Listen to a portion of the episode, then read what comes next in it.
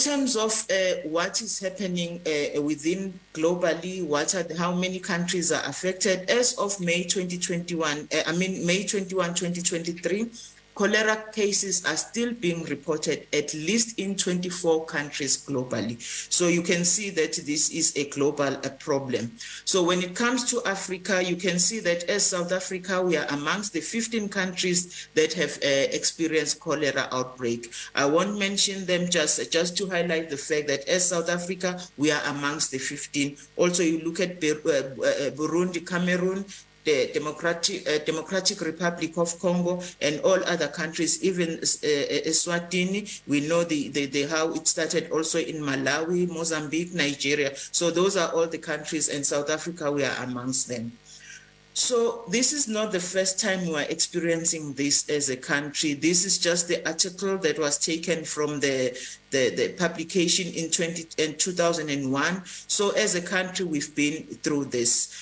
So these are just the pockets that becomes a challenge. And the question is, what have we learned from these exposures and how do we respond as a country? Because we've been experiencing this. It's a matter of how do we ensure that our systems are geared, are geared up and we are able to respond.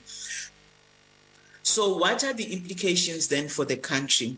Given the ongoing cholera outbreaks in Southern African region, there is a high possibility of continued importation of cases to South Africa.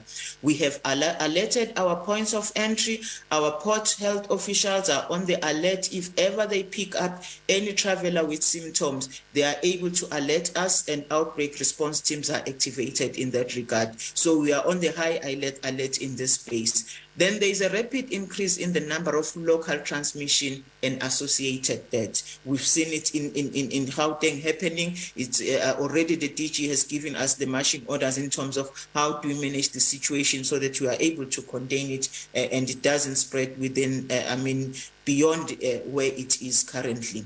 So clinicians are urged to maintain a high index of suspicion for cholera in patients who present with acute watery, watery diarrhea.